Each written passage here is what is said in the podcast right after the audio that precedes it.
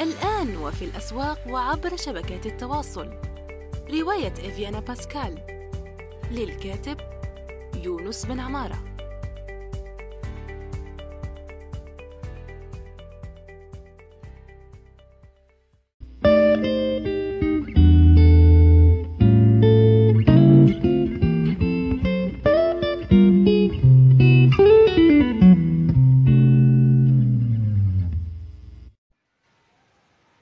السلام عليكم ورحمة الله وبركاته.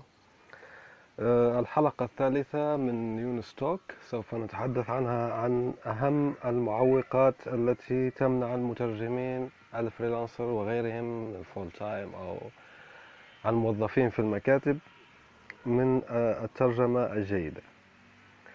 هو السؤال في الحقيقة أتى بما هي الأخطاء التي الشائعة التي يكررها المترجمون دونا لكن سوف نجعل هذه الحلقة تجيب عن السؤال الأشمل. ما هي المعوقات التي تعترض المترجمين سواء المبتدئين أو الخبراء والتي تمنع من أن ينتج أو يقدم ترجمة احترافية كما هو مطلوب؟ ابقوا معنا. شكرا.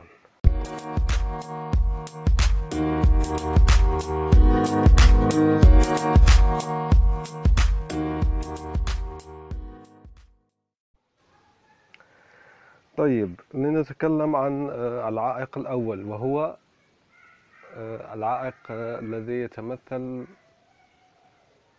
في الذخيرة اللغوية أو ضعف اللغة الأم.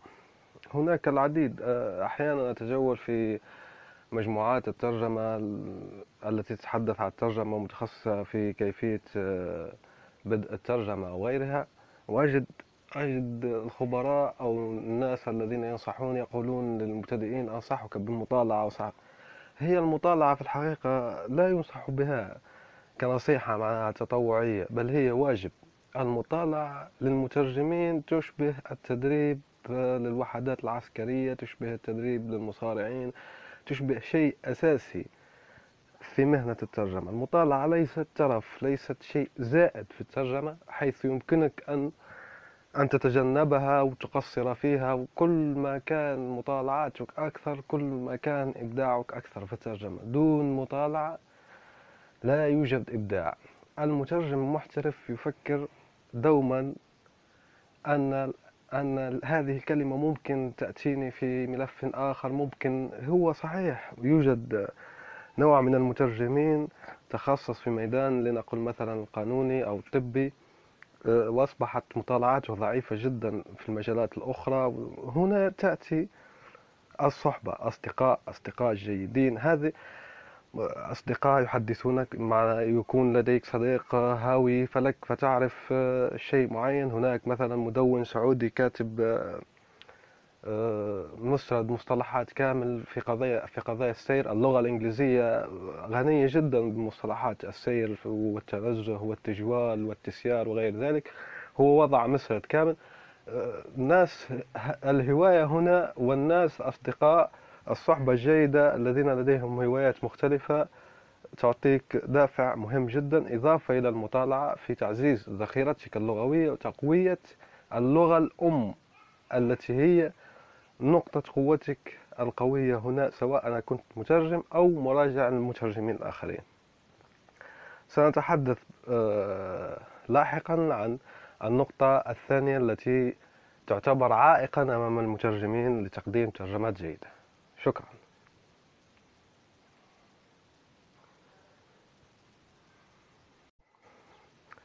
سنتحدث الآن عن العائق الثاني والثالث. الثاني يتمثل في قلة الممارسة والثالث يتمثل في قلة الفضول المعرفي أو ما أسميه للأسف. أسف عن هذا المصطلح لكن أسميه البلادة المعرفية. سنتحدث عن قلة الفضول المعرفي. أولا قبل أن نتحدث عن قلة الممارسة لأنها واضحة على كل حال. قلة الفضول تجد بعض المترجمين ليس لديهم أدنى فضول عن التعرف على الأشياء الجديدة.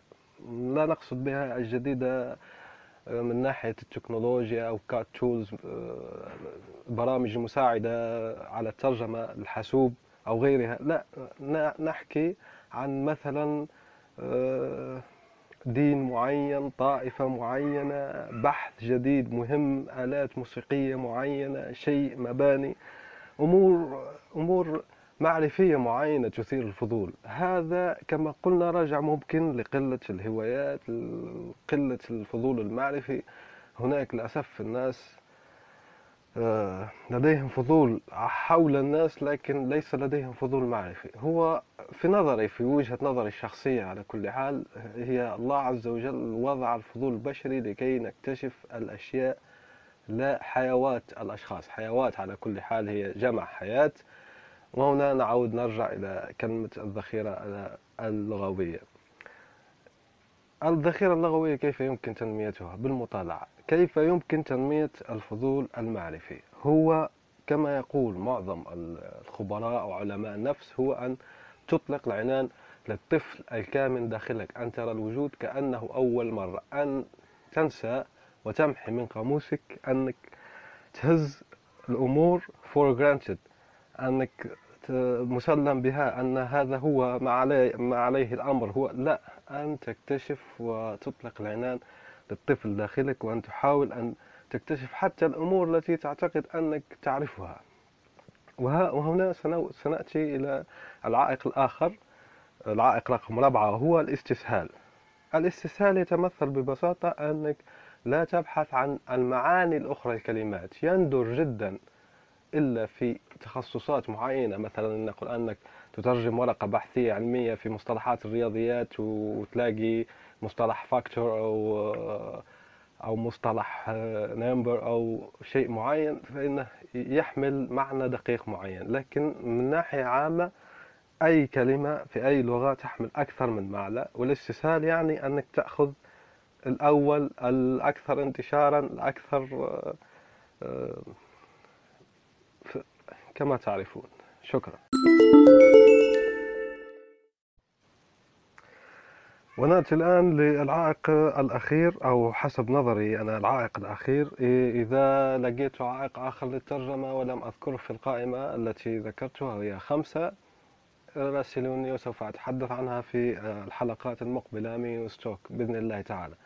العائق الأخير يتمثل في الحالة النفسية. هو عائق لا غير غير مدروس بشكل كافي ولا يتحدث عنه بشكل كافي بين المترجمين. الحالة النفسية ربما آه، إذا جاء جاءك ملف عاجل ويحتاج ترجمة معينة وأنت في حالة آه، نفسية غير غير غير مناسبة كما يقول أقترح دوما أن آه، إذا كان مناسب أن ترفض العمل على الملف العاجل. هناك ملفات عاجلة يمكن القول أنها روتينية ويمكن بعد الضغط على النفس أن أن تنجزها مهما كانت حالتك النفسية. هذه أيضا يجب التنبه لها.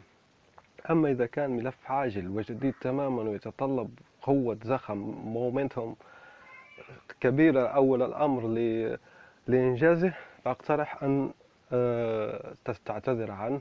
وطبعا معروف أن الحالة النفسية هناك عدة اقتراحات لعلاجها أو تغيير المزاج أو غيرها.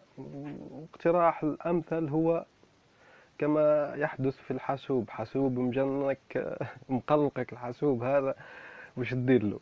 ريبوت. ريدوماري إعادة تشغيل. إذا أنصحك بأخذ قيلولة قصيرة غفوة قصيرة كما يفعل الكوريون. في أعمالهم آه، لحسن الحظ هناك آه، الأمر هذا قانوني وشرعي لكن هنا غير قانوني وشرعي. لكن إذا اعتذرت عن الملف وأخذت قيلولة قصيرة وعودت ريدماريت دماغك بإذن الله عز وجل راح تكون في حالة تسمح أن تنجز العمل كما هو مطلوب. كما قلت ليس هذا هو الحل الوحيد لتغيير الحالة النفسية. هناك عدة مقالات نفسية. هنا نرجع للنقطة دائما وأبدا نرجع للنقطة المطالعة ثم المطالعة. لما يكون عندك معارف كبيرة عندك أصدقاء معينين ممكن صديق مترجم متخصص في علوم النفس فقط يعطيك مقال معين ممكن أشياء ممارسات معينة تسمح بلك بإذن الله أن تنجز العمل المطلوب منك بأعلى جودة ممكنة. شكرا لكم جدا. سنتحدث بإذن الله في الأسبوع القادم وأسف عن أي أخطاء أو أي أي مشاكل في التسجيل. أنا أحاول أن أقدم أفضل ما لدي. تحياتي لكم. سلام. الآن وفي الأسواق وعبر شبكات التواصل. رواية إفيانا باسكال للكاتب يونس بن عمارة.